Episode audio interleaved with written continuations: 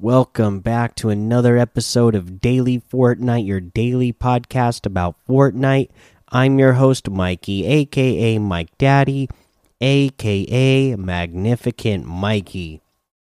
Okay, so we still have the P Pickaxe Frenzy duos, LTM still in here. And other than that, not a lot of news. I will remind you that this is your last chance or this will be my last reminder for you to finish the Snowmando challenges because as of this recording, there's only 7 hours and 24 minutes left to get these challenges done. So get those done so you can get all those free items. I have one more left to do. I still haven't went and stoked the campfires yet uh, to get that wrap, so I need to go do that, and I'm going to do that as soon as I'm done recording this episode. Uh, let's see here. Other than that, uh, not a lot of news. So let's just go ahead and head over to the item shop and then get to our tip of the day. And uh, I guess this will be another short and sweet one. Uh, I'm hoping that, uh, you know, tomorrow being the 5th, uh, that's when the Snowmando celebration, uh, holiday season stuff is over.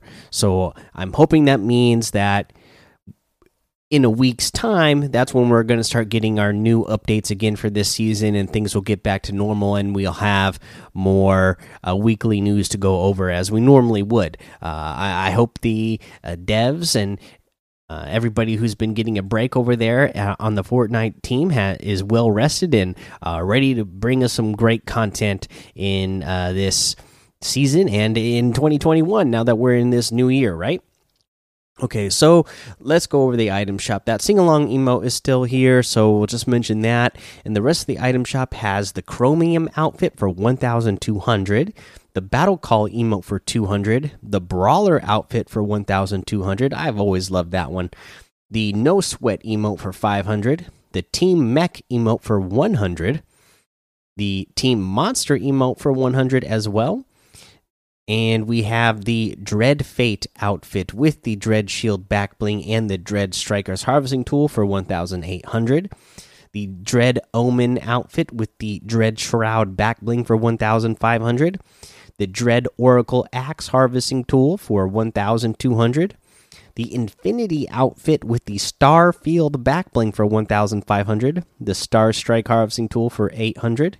The Eternal Zero wrap for 500 we have the last forever emote uh, for 500 the Rollie emote for 500 the mecha team leader outfit with the jet set back bling and that built-in turbocharged emote for 1600 the combo cleavers harvesting tool for 800 and the mecha team wrap for 500 you can get any and all of these items using code Mike Daddy M M M I K E D A D D Y in the item shop, and some of the proceeds will go to help support the show. Now, I like our tip of the day because it is a great way to rotate. All right, there's again, I, I, I you know, from everything I saw when this season started I was really excited about it because there were so many new things that they added in with the you know sand tunneling not working right now, but the sand tunneling, the zero point crystals, the pack, the fact that you can get uh, rift fish, you know, so many cool things in the game, right? And uh, what I'm liking about uh, an, these items is that there's so many different ways to figure out how to rotate and uh, make big major rotations uh, fast. So here's what you can do to do uh, a really fast rotation. So you're going to need a zero point for this and the bouncers. Okay, but here's what you do you consume a, a zero point crystal and you'll start building ramps so that you're ramping up and you'll be running up the ramps. And the thing is that you can build up really fast as well because you you can use the zero point effect as you're ramping up and you'll build your ramp even faster. And then once you get up to a pretty decent height, what you'll do is build a floor and put a bouncer on it. And then go on that bouncer, you know, run forward, hit the bouncer, and keep looking up and keep spamming your zero point teleport forward. Just keep spamming it and spamming it until you hit the ground. And, uh, you know, depending how high you built up, you're going to go 100, 200 meters uh, just from you know, spamming your zero point crystal after hitting the the bounce pad or the bouncer.